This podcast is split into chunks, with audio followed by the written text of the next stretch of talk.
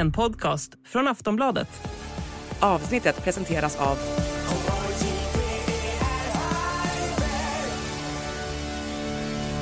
Stödlinjen.se, åldersgräns 18 år.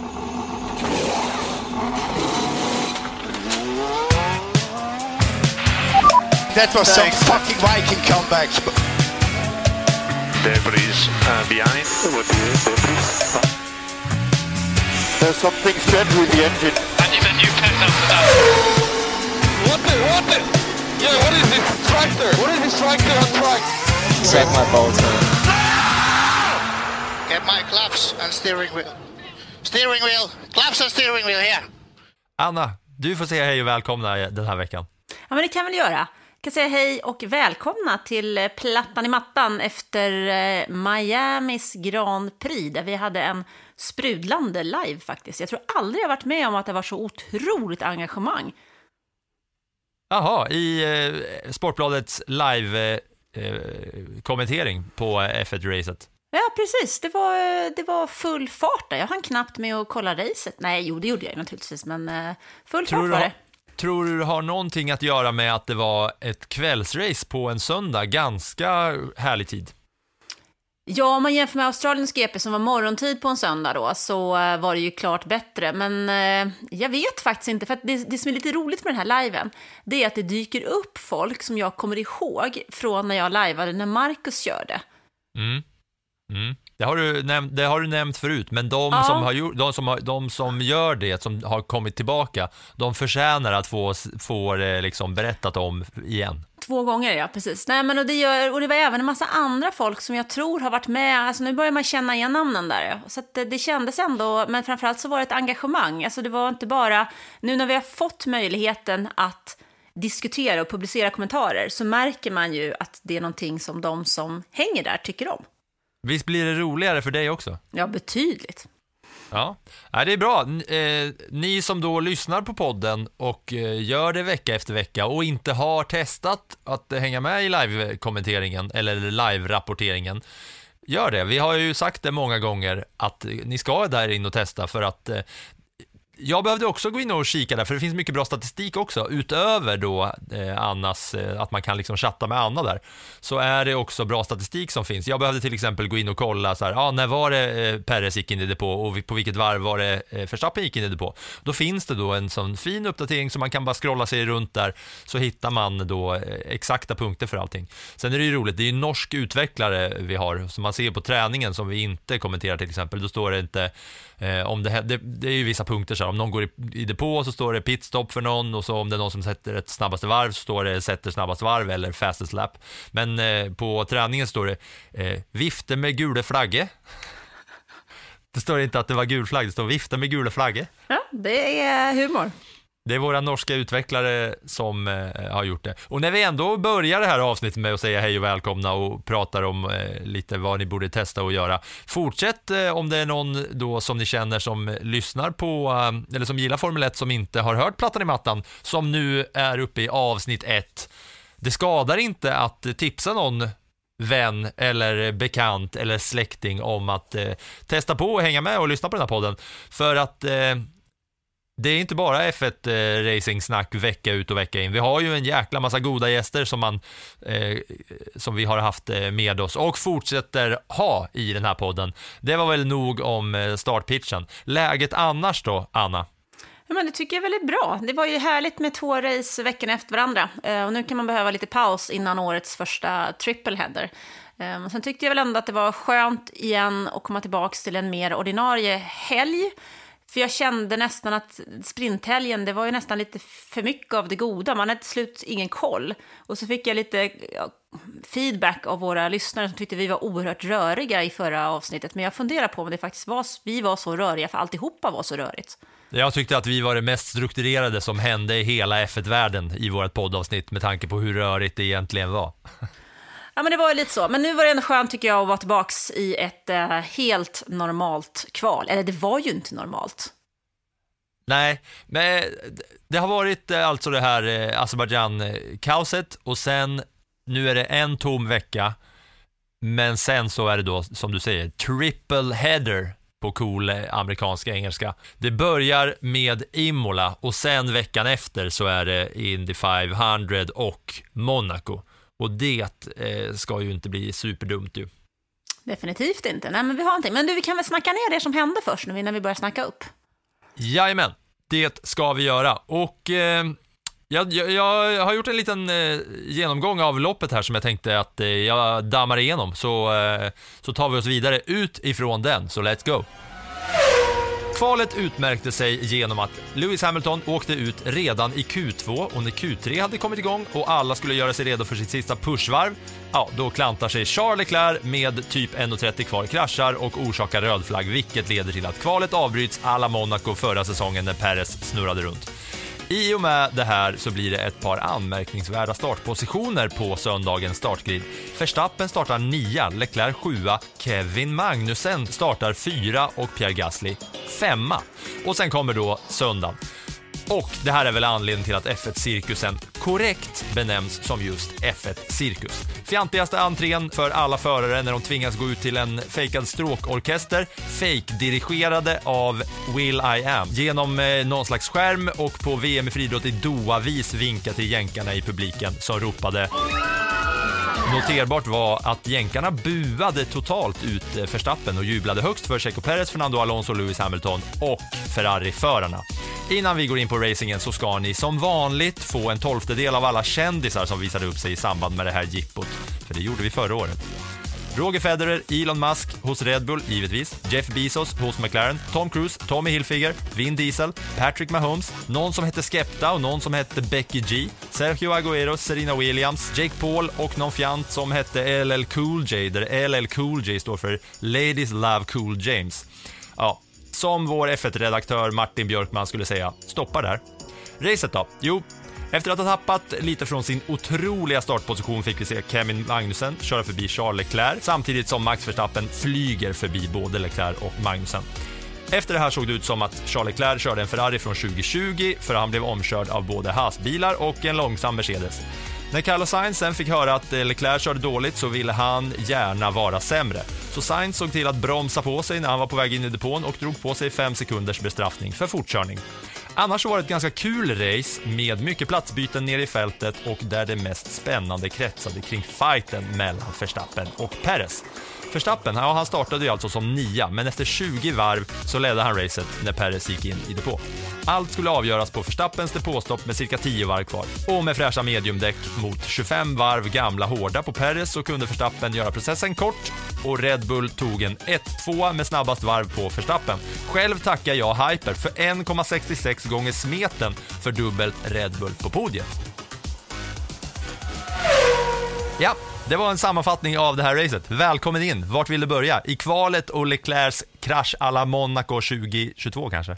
Ja, men vi kan väl börja där, för att eh, eh, Ferrari kommer ju till den här helgen med en stora uppdateringar på bilen. De hade tänkt att göra dem i Baku, men sen så gjorde man ju inte det eftersom det vart en sån förändring av den helgen och den helgen förändras ju väldigt sent när man bestämde då att sprinten skulle vara fristående från resten. Och uppdateringar är ju ingenting som man kläcker ur sig på en kvart, utan det är ju planerat så långt och länge. Och Ferrari valde då att hålla sin uppdatering lite grann och börja här i eh, Miami istället. Och så kommer man med det här eh, fixade golvet, bland annat. Men bilen är ju så otroligt vindkänslig. Och det är det som händer. I slutet av kvalet så drar vinden på. Leclerc känner inte var gränsen går överhuvudtaget. Och det gör ju att han, ja, han får en vindpust från fel håll och kör av. Och det där ställer ju till så. Jag vet att jag för, när vi pratade, var det Monaco i fjol, så pratade vi om man kanske skulle göra som Indycar istället, att om man eh, man ska inte få dra fördel av en röd flagg utan flyttas ut. Och det kan jag väl tänka, känna lite här igen. Å andra sidan så gjorde ju den här griden att vi fick ett ganska kul lopp ändå, eller det fanns ju ett spänningsmoment i loppet. Jag tänker att hade vi haft Verstappen i första startled så hade det här ja, varit en position. Det vill säga, hade Leclerc inte klantat sig och kraschat i kvalet så Nej, hade alltså- Verstappen varit etta. Ja, men nu är, å andra sidan så är det ju så också att Verstappen hade också ett försök som förstördes av vinden i Q3. Han missade det och, och var ute vid sidan av och avbröt det försöket och hade ju ett kvar. Men jag tänker, hade, han, hade vi fått Red Bull 1 2 i kvalet så hade det kanske inte racet varit lika eh, spännande, eller man hade inte kunnat bygga upp samma spänning till det. Så att, men någon, ja, jag är lite tvetydig där. Å ena sidan så tycker jag att det var kul med de här förändringarna i startup, startuppställningen. Å andra sidan så kanske det är det man då ska flytta ner Leclerc som orsakar röd flaggen till 10 i alla fall. Mm. Jag, ty jag tycker ju inte att det här är ett bättre exempel än när Perez kraschade i kvalet i Monaco eh, och höll flera stycken bakom sig. För att här var ju, alltså, här, eller om man ska prata om regeln, så är ju regeln som den är nu, så kan du ju sätta ett snabbaste varv av alla, sen krascha då. Och sen då vara säker på att starta etta. Det är ju där problemet är. Problemet är ju inte att Leclerc kraschade här och eh, när han låg sjua liksom.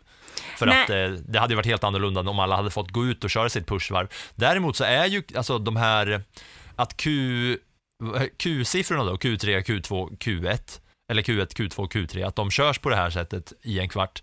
Det är ju egentligen bara en transportsträcka till sista minuten, när alla har eh, liksom kört in sig.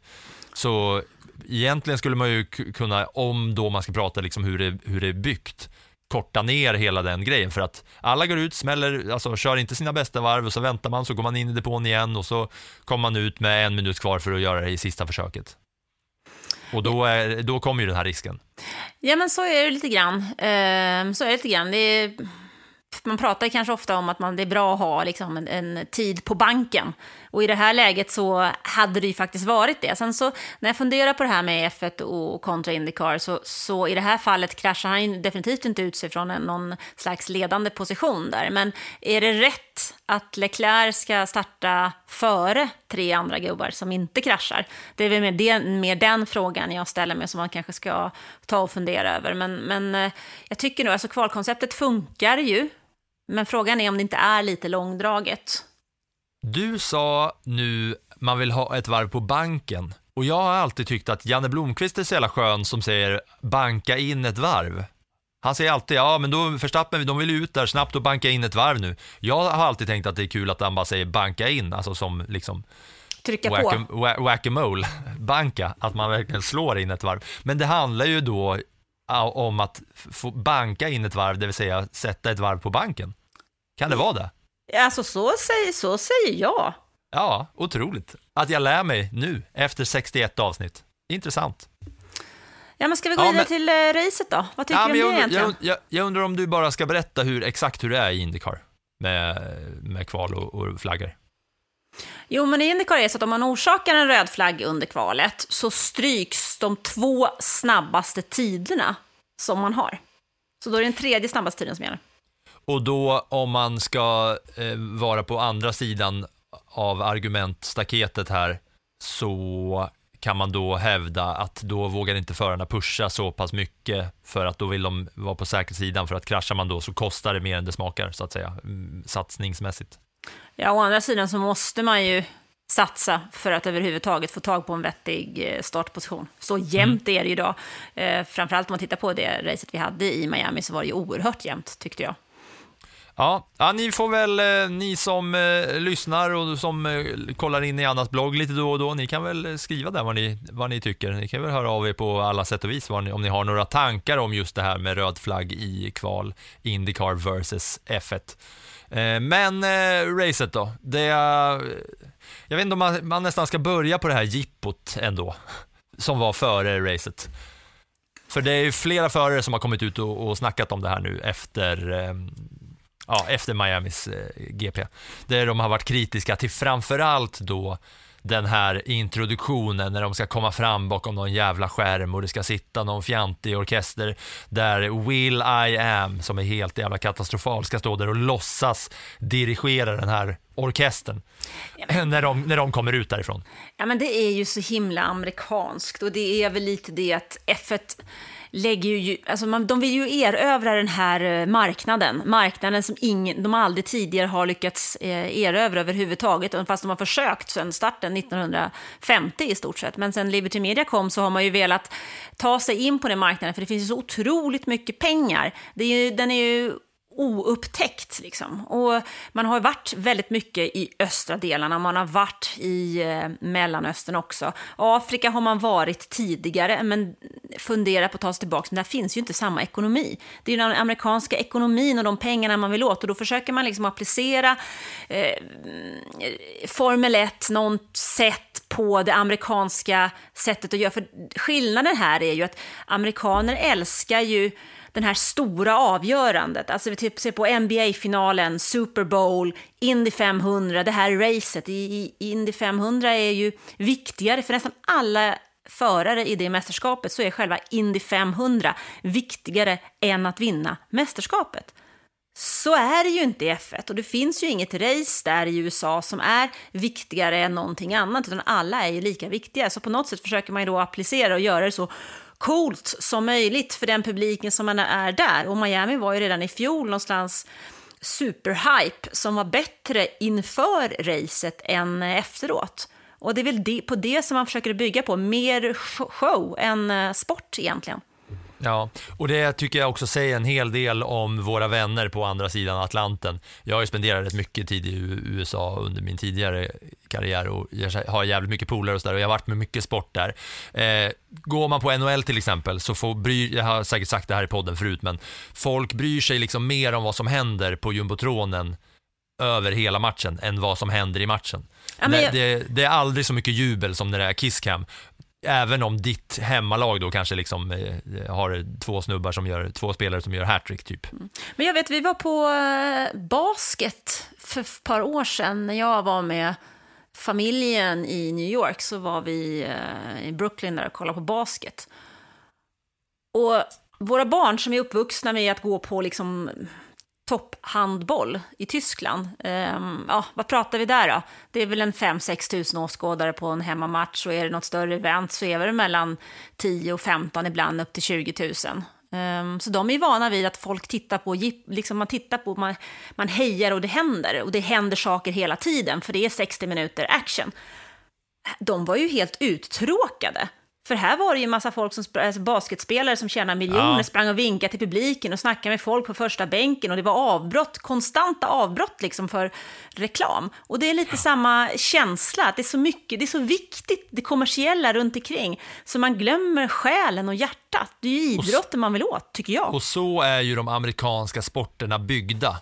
Ja. Kollar, kollar vi på hockey, som ändå är liksom en liten sport, men spelas ändå och är stor i många andra delar av världen, så är ju det ändå liksom, det är en match som pågår. NHL har ju infört power breaks som alla nu andra i världen har liksom tyckt att det är en jättebra idé för vi kan tjäna mer pengar på reklampauser och så vidare. Men kollar man på då de som är dominerande USA-sporterna, så är ju alla sporterna sådana, precis som du pratar om, att gå på basket. Jag har varit på NBA och jag har varit på baseball och på NHL i USA. Och NFL och baseball och basket är ju byggt på liksom de här pausen, alltså så himla mycket pausande och eh, saker och ting emellan. Det är ju inte liksom konstant action som vi är vana vid och därför är det så mycket annat som måste, liksom, det handlar så mycket om underhållningen och, eh, och jippot där runt omkring och det tänker jag så här. Ja visst, de vill fånga en eh, amerikansk publik för att det finns eh, jättestor köpkraft och så vidare där. Jag tänker ju lite bara, ja men till vilket pris? för resten av världen skrattar ju åt dem och de själva garvar ju åt det. Det är ju liksom, eh, ja, förarna själva tycker inte att det är fantastiskt. Nej, men det är ju lite så. Jag har också varit på NFL och där var det ju viktigare vilka snack man åt i vilket läge av matchen än att man kollade på själva matchen. Liksom. Där mm. kan jag tycka att college, amerikansk fotboll, college är lite mer hjärta liksom. Mm. på något sätt än, än NFL. Och lite, där är jag lite, också lite orolig, precis som du säger, för F1s del när det gäller att man, man får liksom inte tappa racingsjälen för att det ska vara så mycket runt omkring. Nej, verkligen inte. Och det finns några som har de snackat om det här och jag har några citat från olika. Russell har ju sagt att de hade pratat om det här förarna eh, på möte under fredagen eh, och eh, han, bara han är ju, George Russell är ju George Russell. Han så här, ja alla har olika persona, eh, personligheter men ja, det här är amerikanska sättet att eh, göra eh, sport och underhållning. Han bara, det här pers- personligen så är inte det här något för mig, men det är vad jag tycker, jag är här för att racea, bla bla bla, jag är inte här för, show, för showen, jag är här att eh, vinna, men vi alla måste liksom roll with it. Eh, Ja, men du, ja, ja, Du jag har mer, komma- bättre Ja, citat från du Russell ska, här. du ska komma få, men du måste tänka på att den killen du pratar om här, George Russell, hans eh, medmänniskor stod ju i tre timmar för att titta på en jäkla kröning i veckan i ösregn med liksom brittiska flaggor och faderutten. Där var det inte mycket action kan jag säga. Och han själv, som den superroyalist han garanterat var, det visste man på förhand, tweetade ut då så här att jag tänker på alla er där hemma, vilken stor dag för Storbritannien, ah, hoppas alla har det bra här hemma, så postade han någon bild så här om the royal family, när de firar då att det kungliga rena blodet ska återgå, fortsätta gå ett för ett ner till nästa gamla gubbe. Och så ska de kunna fira sina gamla koloniala erövringar, det där eh, Storbritanns, eh, Storbritannien. Eh, kungadömet va, eh, superväntat att han var royalist där. K- Man kanske skulle kunna tänka att det är lite mer sällsynt med en kungakröning än ett F1-race, dock om man ska vara på Russells sida. Att det kanske är en lite större grej att för första gången på, vad var det nu var, 76 år sedan den förra, den förra kröningen var. Kanske lite större event för britterna. Men jag håller med dig. Jag håller med dig, för jag drabbades ju också av den där kungakröningen när jag var på jobbet och Aftonbladet sände den där hela sändningen live och vi kunde inte göra någon annan tv-sändning för att det viktigaste för hela världen var att se en gammal gubb i strutt få en krona på huvudet samtidigt som han höll i två spiror som man inte fattade vad det var. Vill du höra vad mer Russell hade att säga eller? Yes. Eh, Fia de ändrade de här eh, reglerna till när förarna måste dyka upp inför Miami just för det här jippot. Eh, vilket gjorde att de var tvungna att vara på griden 10 minuter vanligare, eller före, eh, ja, före det vanliga. Eh, och det sa han att så här, ja, men det är en eh, distraction och det har också flera andra sagt att det är en distraction. Och så pratar de om att det är mitten av eh, de här minuterna som de brukar ha sina möten så att alla får liksom ändra på sina rutiner just för att det ska bara vara en liksom fjantig presentation när de så här ska gå fram och vinka till publiken.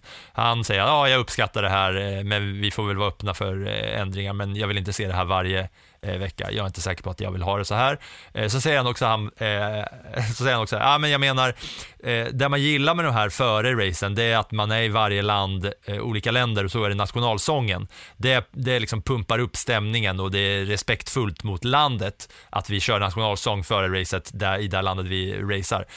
Eh, men att addera en annan show är lite sådär. Och då tänker jag bara på när, det var, när de var i Saudi och lyssnade på Saudis nationalsång och George Russell stod och garva för att den var så jävla sur och dålig i Saudi.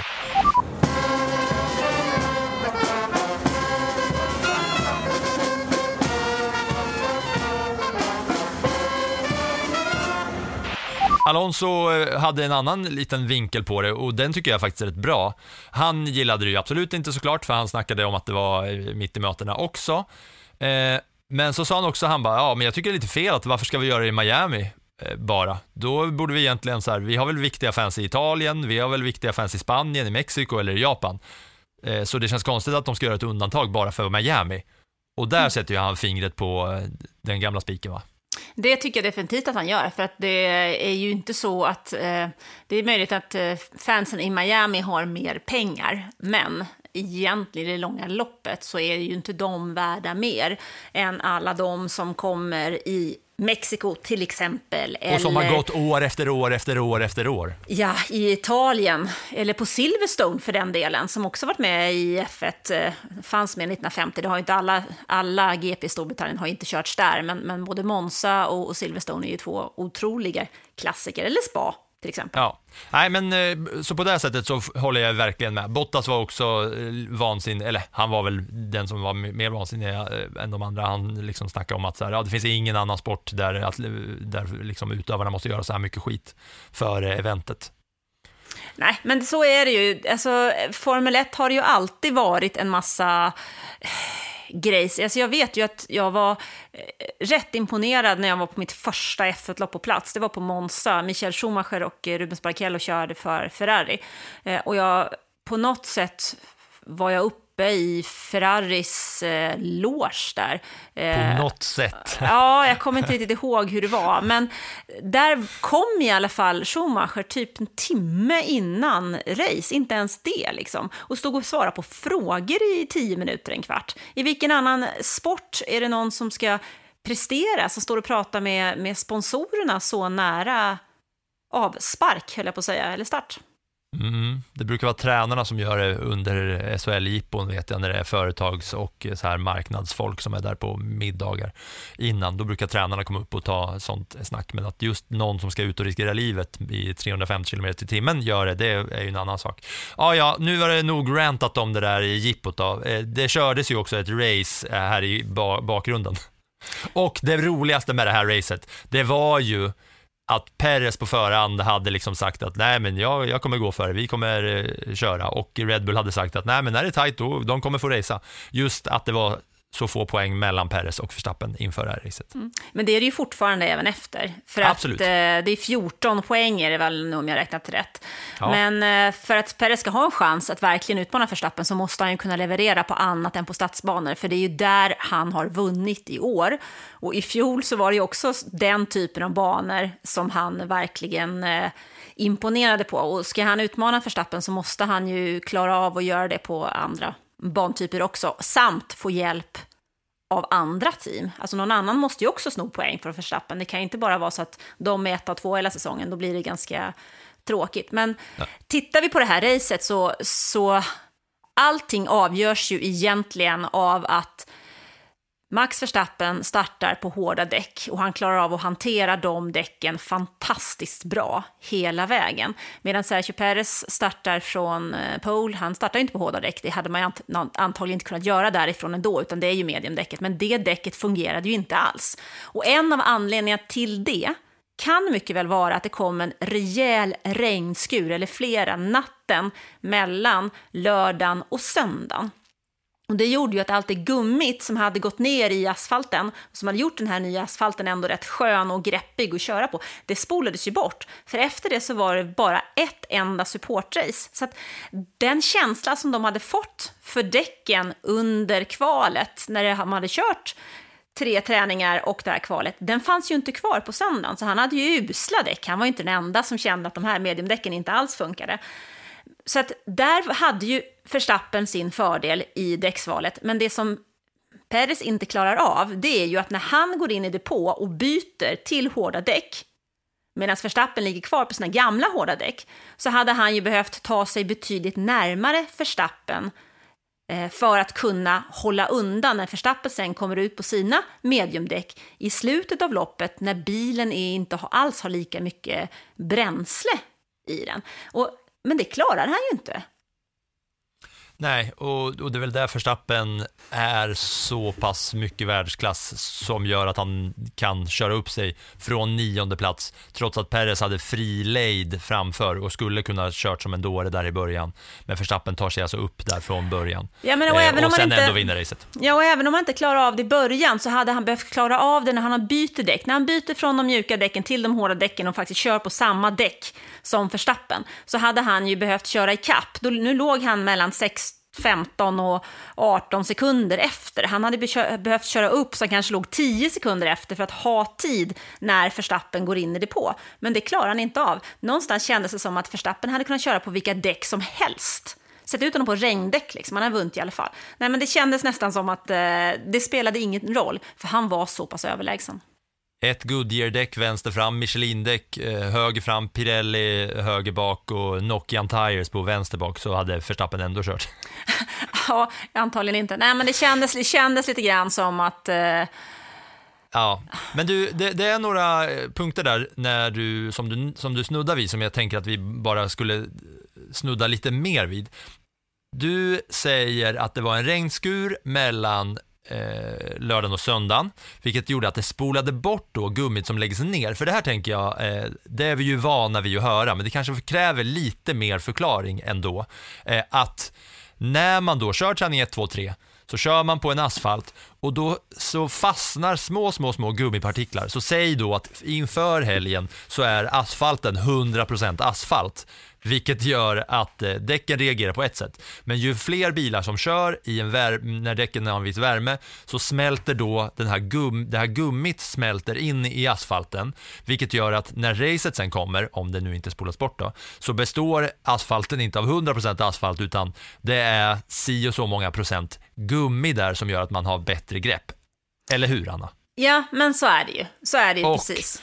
Och det som då händer, för det här pratar de om i många helger, men det är det som faktiskt händer, att för varje bil som kör där i en viss temperatur så fastnar då gummipartiklar och då kan man ju bara tänka själv om man skulle gå barfota på asfalt eller om du skulle gå barfota på, på liksom eh, ett klibbigt underlag där foten liksom klistrar fast sig lite och då en bil som kör i 350 framåt fastnar ju då bättre vilket gör att man får bättre grepp. Men då när regnet kommer så spolar spindeln bort det här så att säga. Ja, men så kan man väl enkelt sett förklara. Ja, bra. Och sen sa du också, och i och med att vi inte hade mer än ett supportrace, och det betyder att i vanliga fall på många men- av racen så kör man då, man kör F3, man kör F2 och det är några andra formelserier som kör före då racet, vilket gör att det finns ännu mer gummi in bränd i asfalten, vilket gör att när Formel 1-bilarna sen till slut ska köra så är det mycket mer gummi i asfalten än vad det var i början av helgen, vilket betyder att det är mycket bättre grepp och gör att de kan köra snabbare. Mm. Och då pratar man ju ofta på tv, hör man ofta att man pratar om asfalten, den är grön liksom. Och det är ju då när den är, är ofylld med gummi. Exakt så. Jag tyckte det bara var värt att eh, snudda vid de punkterna. Nu går vi vidare till nästa punkt.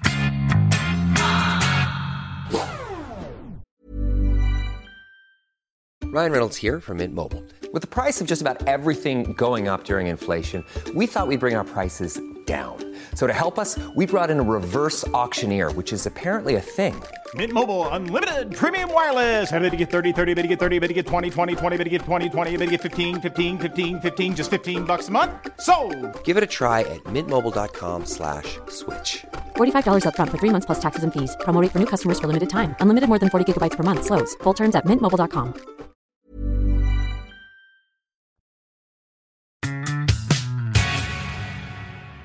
Vad vill du börja med för punkt? Ja, men vi kan väl ta Ferrari, för jag tycker att det är lite oroande ändå när man ser eh, en förare som Charles Leclerc, som i fjol var tvåa i VM, som nu pratar om att bilen är oförutsägbar. Han vet inte hur den reagerar. Han vet ingen, inte hur han ska få in bilen i rätt däcksfönster. Och det är ett jätteproblem. Och den här bilen, den äter ju däck. Problem, problemet är att det finns ett visst temperaturfönster. Nu ska vi ha koll på att Miami är väldigt, väldigt varmt. Alltså det, är, det, det är inte en bana som är jämförbar med så många andra, för det är en väldigt hög temperatur i asfalten. Så att bilarna fungerar ju annorlunda där jämfört med på många andra banor. Men i alla fall, så Ferrari har ju under hela året haft problem med att bilen sliter däck. Otroligt mycket däck, betydligt snabbare än bilarna från Red Bull till exempel. Och en av anledningarna är att man inte får in bilen i rätt temperatur, utan man, man drabbas av, de pratar om graining. Och, och graining är ju, liksom, man kan säga som det är som en suddgummi-effekt. Om man typ drar en sudd, suddgummi mot skrivbordskanten, liksom, så smulas ju ytan på det här suddgummit av. Och samma sak är det med däck som inte jobbar i rätt arbetstemperatur. Och det här är djupt oroande, för att när han saknar förtroende för bilen så vågar han inte köra den på gränsen. Och en F1-bil måste ju köras på gränsen. Och han kan ju inte heller anpassa sin körstil när han inte vet hur bilen reagerar. Och nu ska man ju då komma med fler uppdateringar och enligt Ferrari så räknar man med att man ska kunna vara med och konkurrera om segrar framåt Spaniens GP i slutet av den här äh, uh, trippelheaden. Men jag börjar fundera över om det verkligen är ett realistiskt mål att jobba efter. Nej, med tanke på att de inför säsongen sa vi har hittat 30 nya hästkrafter, vi kommer vara med och konkurrera om segrar. Och än så länge så har vi inte fan sett röken av eh, deras kackel. Så om de säger det här nu så är det fortfarande ropa varg efter rödluvan och sådana där grejer som man tänker här. Det är mycket, mycket snack och jävligt eh, lite bra fiffel i verkstaden. Ja, men alltså det känns ju som att de säljer plastpåsar, de är helt tomma. Men, Men eh, det gick ju inte fort för den här bilen fram. Det såg vi när Kevin Magnussen eh, körde förbi eh, Leclerc, bland annat. Och då vet vi att det är en hastbil som är snabb framåt. Men det som var där i början var ju att eh, Leclerc såg ut att köra jättemycket långsammare än alla andra. ja, Det gick ju liksom inte ens fort.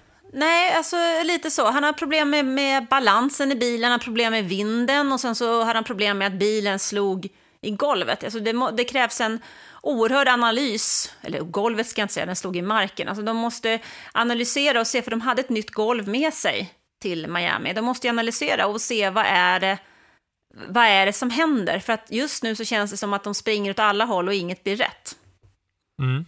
Just den där dubbelomkörningen som Verstappen gjorde av Magnussen och Leclerc, den var ju, den var ju helgens delikatess, måste man ändå säga. Det var i början där på typ varv fyra när Leclerc och, och eh, Magnussen hade lite fight och så kom då Verstappen ut på en raka när först körde Magnussen om, sen kom Verstappen då. Och om det såg ut som att Leclercs bil var långsam så såg det ut som att både Hasen och Ferrarin var jättelångsamma när Verstappen körde förbi. Det tyckte jag var snyggt. Ja, men det var, det var absolut helgens eh, delikatess, det tycker jag också. Ka- ka- kanske hittills årets delikatess. För mig får det vara det då. det, den, eh, den var inte dum alltså. Nej, inte dum. Jag eh, tänker att eh, vi får väl vänta och se på de här Ferraris, eh, ja, det, det de sa ju var ju, alltså som, som du nämnde, att vi väntade med uppdateringarna till Azerbajdzjan för vi, vi tog det nu till Miami istället. Och en uppdatering blev ju en nedgradering i princip. Ja, men sen vet vi ju inte heller hur mycket värmen eh, spelade roll. Ehm, det är också en speciell bana, Miami. Så att alltid är ju sådär att man måste ju vara så himla tråkigt politiskt. Vi får ju se, men det känns ju, inte- de fick ju definitivt inte det lyftet som de ville ha. Å andra sidan kom ju eh, alpin med stora uppdateringar förra helgen i, i Azerbajdzjan och det var ju en fullständig katastrof för dem, medan de gjorde det betydligt bättre nu i Miami. Mm. Eh, några andra som kom med uppdateringar, det var Alfa Romeo där eh, det inte hände skitmycket, men Bottas i alla fall körde lite bättre än vad han gjort hittills på säsongen. De hade också uppdaterat bilen en hel del. De har ju sett eh, typ sämst ut av alla nästan, Alfa Romeo-teamet. Eh, där såg det lite bättre ut med Bottas som landade på 13 och Joe på 16. Det var väl inte kanon för kinesen, men Bottas ryckte upp sig lite i alla fall. Ehm, Sen eh, kanske du vill snacka lite om eh, Alfa Tauri och eh, Ferrari, för att, även om vi nämnde eh, rokaden där förra avsnittet så, eh, så har det väl kanske kommit lite mer info nu. Ja, men det jag tänker är att vi nämnde det sist, men jag undrar om vi var så tydliga med grunden och vad det här kan betyda. För att eh, alltså, vi kan ju ha en riktig kohandel på gång i F1 här. Alltså. Um, och grunden bakom det, det är ju att Red Bull har ju en ny general manager efter det att grundaren Dietrich Masicic avled i höstas. Och den här nya general managern, han heter ju Oliver Mitzlauf. Och som ny chef så går man ju ofta in och tittar på strukturen och kostnader. Och vi kan ju konstatera att Alfa Tauri har ju varit som bäst sexa sedan de startade det här teamet. De har två segrar och fem pallplatser. Men nia i VM, ja, vad drar man in då? Säg 75 miljoner euro, men kalaset kostar väl minst 150 miljoner euro, eller euro som jag brukar säga. Ja, euro, euro tycker jag att du ska fortsätta säga. Ja, säg då, euro. Eh, Ja. Och sen finns det ju andra gömda kostnader i det där som inte syns i ett budgettak, vilket betyder att det är ju en jätteförlust. Och hans första tanke var ju att försöka sälja det där. Och det fanns tydligen en köpare, men den kom från Kazakstan och då vart man ju superoroliga för att det skulle vara ryska pengar i det där och Mazepin skulle vara inblandad och det funkar ju inte för det ju, hade ju varit katastrof med eh, ryska pengar i F1 idag. Och då pratar man om man skulle flytta kanon med Azerbajdzjan-pengar. Ja, kör vidare. och då funderar man på att flytta alltihopa till England. Men det är inte heller helt enkelt med tanke på de reglerna som finns när det gäller budgettak och att det är två separata eh, stall. Och sen finns det också regler i Italien de, eh, som gör att du kan inte bara flytta ut hur mycket folk som helst och lägga ner där och flytta någon annanstans. Eh, nej, inte helt enkelt. Så då får man göra någonting annat och då bestämde man sig för att ja, men det blir en ny struktur här. För att Red Bull och Christian Horner, Helmut Marko, de behöver ju det här teamet. Man kan tänka sig att det är för talangerna, som vi har sagt så många gånger. Men det finns ju två andra anledningar också. Mhm. Vad är det då? Ja, men dels så hyr ju Alfa Tauri vindtunneln och simulatorn. Och det är ju pengar då som flyttas internt mellan de här två, men det är ändå rätt viktigt i budgettak och sånt att man kan flytta pengar mellan två interna företag. Plus att man har dem ju som motorkund efter 2026, då när Ford kliver in i ett samarbete där. Och det är ju himlans viktigt att du kan sälja dina motorer också, inte bara till ett team utan till flera, för det handlar ju också om ekonomi och pengar. Så att det där teamet betyder ju någonting men det är ju väldigt viktigt att de inte ligger nia, utan de måste ju, skulle behöva komma upp liksom som femma, sexa, för då stöttar de ju Red Bull, inte bara med talanger, utan också ekonomiskt. Och det är ju superviktigt. Så då har man ju bestämt att Frans Tost, han får lämna efter typ 100 år. Och eh, in kommer då Peter Bayer som har jobbat för Fia och även hos Audi nu då. Men också Laurent Mix som är sportdirektör hos Ferrari. Det var Mm. någon som sa Mekis. Mekis, ja, Jag undrar om det var Dino Beganovic som sa att det är så man ska säga. då ska vi säga så. Laurent Mekis. Laurent Mekis. Mm. Ja, det var perfekt ju. Och eh, han har ju kontrakt med Ferrari. Inte bara nu, utan fram till 2025 om jag har fått rätt uppgifter. Och efter det så behöver han ju sitta i karantän i ett år innan han kan komma till ett Red Bull-team. Då är vi framme i 2027. Alltså det är efter, efter nästa motorreglemente. Det är ju hur långt bort som helst. Men Fred Vassör vill ju bygga någonting annat. Han vill ju bygga upp ett nytt Ferrari. Och då vill ju han ha någonting. Troligen vill ju han ha en massa ingenjörer från andra team. Gärna från Red Bull. Och då kanske man kan använda den här dealen då. Så att ja, men vi släpper McKees. Men då får ni släppa folk till oss så vi kan bli bättre. Just det, för att det är ju med Red Bull man då förhandlar trots att det är olika team och det är därför det blir kohandel. Precis, för att då blir det någon slags förhandling där mellan att om, om ni får våran stjärna sportdirektör som eh, stallchef i ert team, det kan vi väl släppa honom tidigare än 2027, men då vill jag ha de här fyra istället. Nej, du får bara tre. Nej, men jag vill ha fyra, annars släpper jag honom inte. Så det där kan ju bli en himla intressant eh, följetong här framöver. Vad är en sportdirektör, stallchef värd egentligen?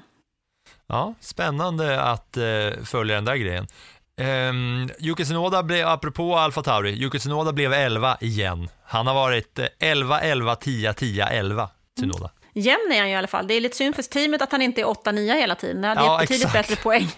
Han är liksom en poäng eh, under där. Och eh, Nyck de Vries, vår vän, han eh, fortsätter att hänga ner i botten. 18, 88, 89 sekunder långsammare än eh, segrande Verstappen. Jag bara känner en punkt liksom.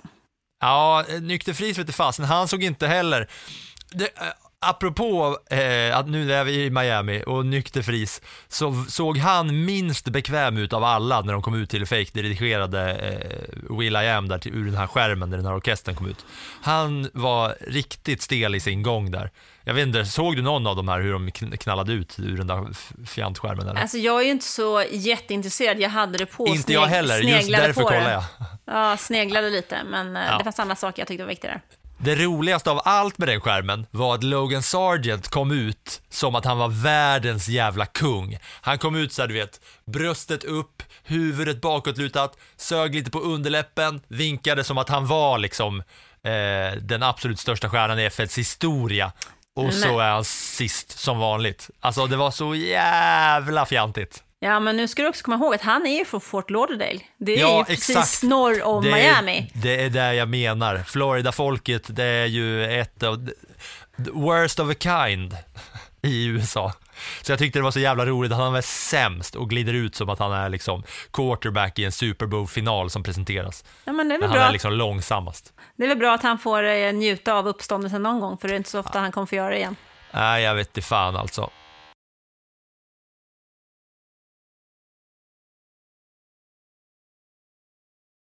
Men du, plussen då? Ska vi ta dem? Nu är det dags för dig att plussa, plussa.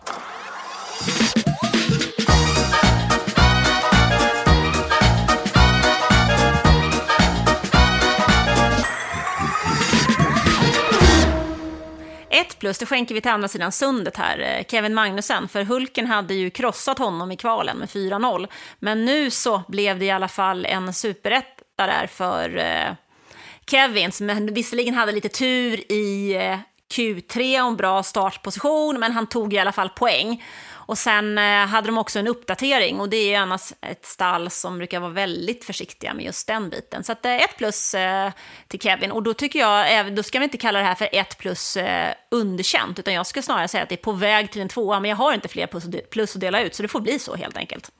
Ja, okej då. Jag tänkte precis anmärka på att ett är ju för fan underkänt. Nej, men jag tyckte inte att det var så mycket, för vi har redan sågat Ferrari, så de får vara borta. Eh, sen eh, två plus går till eh, Mercedes som var helt usla i kvalet, men ändå plats fyra och sex. Och nu blir det intressant att se vad eh, de har med sig för uppdateringar till eh, Imola om eh, några, någon vecka här då. Och sen 3 plus, alpin, usel helg efter de där uppdateringarna i Baku och nu poäng med båda bilarna och det är ett steg i rätt riktning för det teamet. Eh, 4 plus till Fernando Alonso. Det går ju till honom titt som tätt tycker jag, men alltså de hade jätteproblem med DRSen i Azerbajdzjan och nu är han tillbaka och tar en pallplats igen. Eh, han är ju tydlig med att han vill ha mer, men eh, än så länge så har han 12-0 på Stroll. 5-0 i kval, 5-0 i race, 1-0 i shootout och 1-0 i sprint. Det är ju utklassning.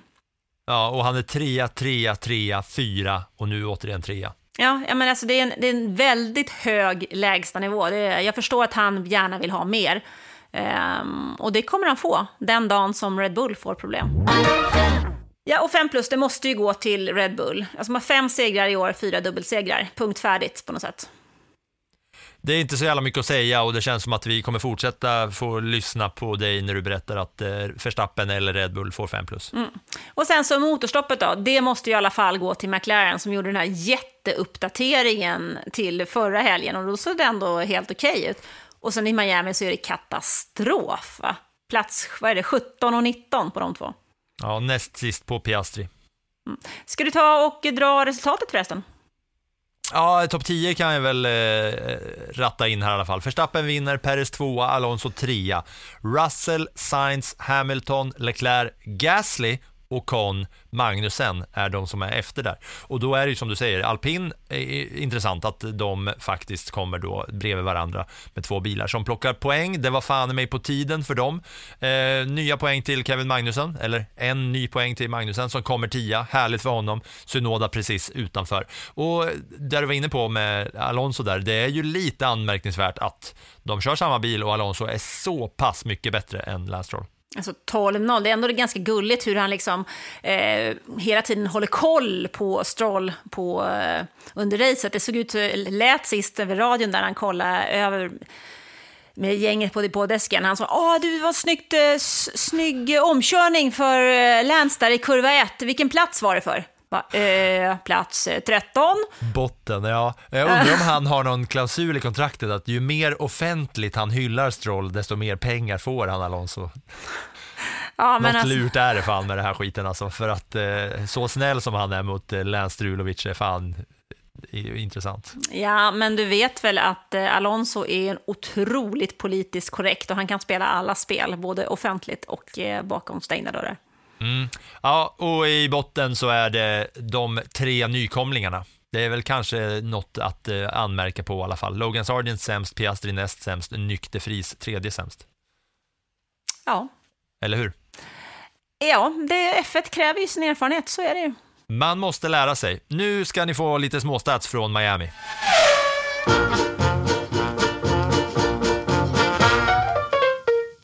Vad vore lite småstats utan statistik som eh, påvisar någonting hos eh, Max Verstappen för att vecka efter vecka så eh, sätter han nya rekord och tangerar nya. Den här gången så har han, har jag noterat att han har nu tangerat Fettels antal segrar i en Red Bull-bil. 38 stycken, lika många. Och han är första föraren, Max Verstappen, sen Niki Lauda i Frankrike 84 att vinna från P9 där han startar. Det tyckte jag också var eh, lite intressant. Sen är det även så här att Verstappen har nu sju raka segrar i USA. Hamilton är tvåa på fem raka segrar i USA.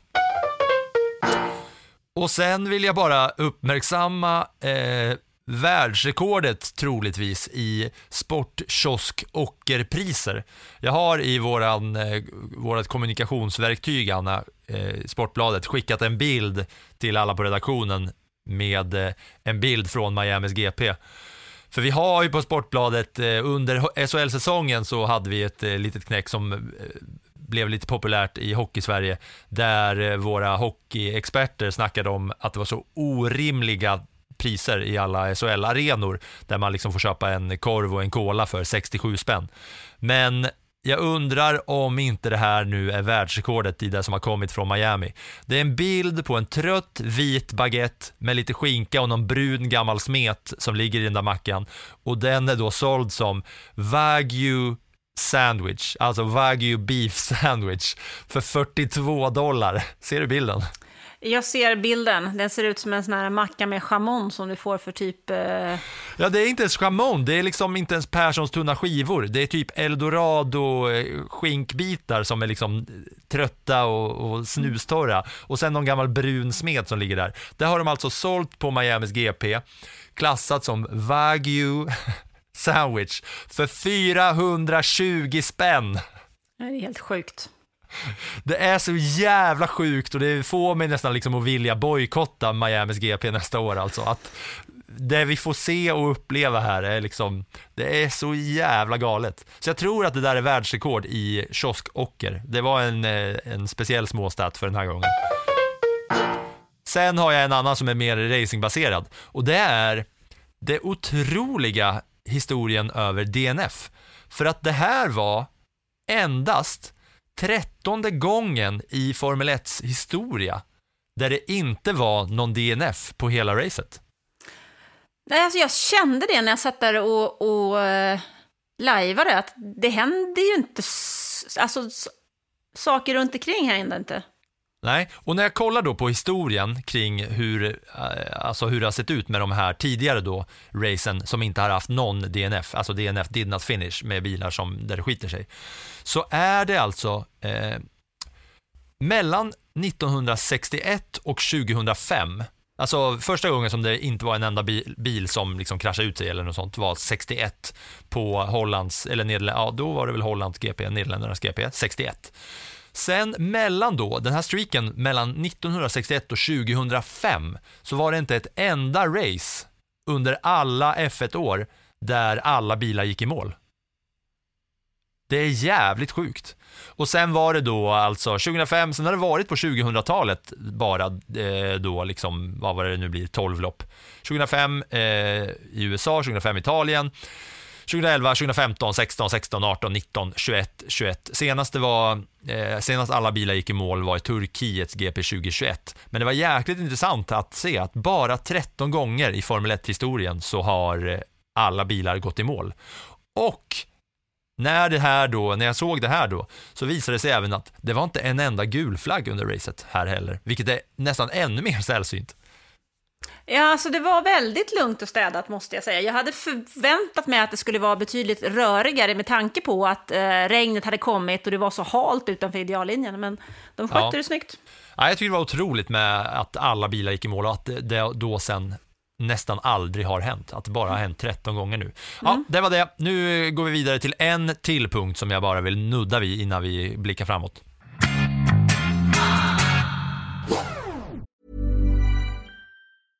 Hej, jag Ryan Reynolds. At Mint Mobile, we like to do the opposite of what Big Wireless does. They charge you a lot, we charge you a little. So naturally, when they announced they'd be raising their prices due to inflation, we decided to deflate our prices due to not hating you.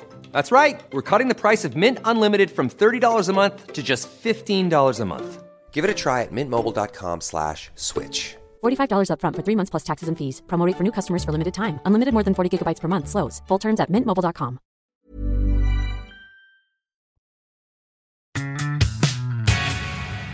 Och det är en bild som jag har lagt in nu från Miamis GP i vårt gemensamt delade dokument här, Anna. Ser du vad det är på bilden? Ja, jag ser att det är en Felipe Massa som ser skitsur ut och eh, går rakt förbi Nelson Piquet Jr som är hans landsman.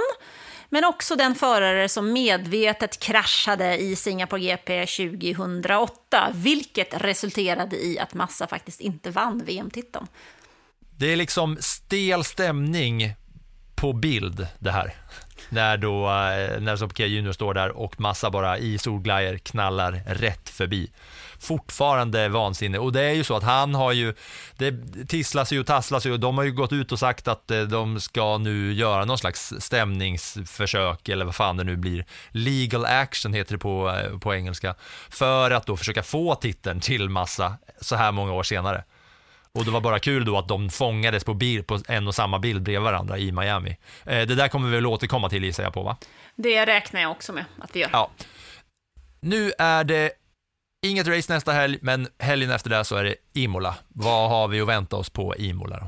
På Imola har vi lite uppdateringar av eh, Mercedes, men när du säger inget race nästa helg, nej det är inte något race i F1, men det är race i Indycar, det är Indy GP, alltså på GP-slingan, och den, där leder ju Marcus Eriksson fortfarande mästerskapet och det är den sista trä, trä, tävlingen inför alla träningar inför eh, Indy 500. Så jag tycker att eh, det är absolut värt att slå ett öga mot USA nästa helg också. Mm, det är det absolut. Men efter det då i Formel 1-världen? Så väntar ju då Imola, det där långa namnet, Emilia Romana Grand Prix, eller vad heter det? Gran Premio dell'Emilia Romagna. Eh, nej men det väntar en klassisk eh, F1-bana eh, som kom, för, försvann från kalendern men faktiskt eh, kom tillbaka i samband med pan pandemin. Och det här är en bana som påminner en del om eh, Suzuka och den är väldigt, väldigt omtyckt av förarna. Den är smal, snabb och kraftiga nivåskillnader med sandfållor som avåkningszoner. Så att eh, det som ligger på minus är väl att det inte är så väldigt många bra omkörningsmöjligheter på den där. Men eh, det kan vi snacka mer om nästa vecka tycker jag. Eller om två veckor när det har raceats där kanske, för att nästa vecka har vi ett eh, riktigt kul avsnitt som eh, kommer ut. Eh, får jag tisa så pass mycket eller? Så mycket får du definitivt tisa, det har du ju mm. helt rätt i. Det är ju redan gjort och klart. Ja, men då kanske vi ska säga något mer om eh, Imola då. Och eh, det framförallt jag vill ha koll på den helgen, det är ju vad som händer hos eh, Mercedes. För det ska bli en förändring där på deras framaxel eh, och ett nytt golv. Det är ju så att Mercedes bil och Aston Martins bil, de är egentligen identiska bak till. Ehm, därför att de har samma motor, samma växellåda, samma bakaxel. Allt det kommer från Mercedes. De kör också samma vindtunnel. Men framvagnen är olika. Och ni vet ju alla att Aston Martin med eh, Fernando Alonso har tagit ett antal pallplatser, vilket Mercedes inte har gjort. Så att eh, det blir spännande att se vad det första delen i deras utvecklingsarbete har gett oss. Mm. Det ser jag också fram emot för att man önskar ju att flera stycken kan hålla på och utmana lite mer där i toppen. Men vi ska väl inte förvänta oss några stordåd va? Eh, stordåd ska man väl aldrig förvänta sig, men man kan väl hoppas på att få bli överraskad. Ja, det håller jag med om. Ja, men eh, då säger vi så då om nästa eh, veckas race, eller nästa veckas podd. För att eh, jag tycker verkligen eh, att när vi gjorde det avsnittet så var jag liksom, vi har intervjuat eh, Marcus Eriksson, Felix Rosenqvist, eh, Lillövis och Dino och lite sådär. Men det här avsnittet som kommer nästa vecka, det var jag liksom på förhand mest pirrig för, för att det här var verkligen en hjälte på något sätt. Liksom, ja, eh, sport och racing och uppväxtsynpunkt för någon som jag som är född på eh, sena 80-talet. Så eh, nästa veckas avsnitt kommer bli jätteroligt och eh, att, att ni ska få ta del av. Så får man säga va? Så får man säga. Ja, och då säger vi så och tackar och bockar och säger hej då, fan vad skönt att vi inte ska köra något i Miami på ett bra tag. Ja, men så kan man väl uttrycka saken va? Tack och hej. Ja, tack och hej.